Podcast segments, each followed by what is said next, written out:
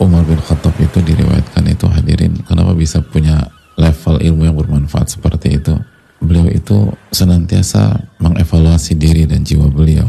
Beliau yang mengatakan radhiyallahu ta'ala hasib anfusakum qabla an tuhasabu. Hisaplah diri kalian. Evaluasi jiwa kalian. Sebelum kalian dievaluasi sama Allah Subhanahu wa taala. Audit diri kalian sebelum kalian diaudit sama Allah. Dan itu beliau amalkan. Dalam riwayat beliau itu sempat terpisah terpisah beberapa detik. Itu beliau gunakan momen beberapa detik itu untuk mengevaluasi diri. Kata beliau wahai Umar Amirul Mukminin bertakwalah kamu kepada Allah atau Allah akan adab kamu. Bicara sama siapa? Sama diri sendiri.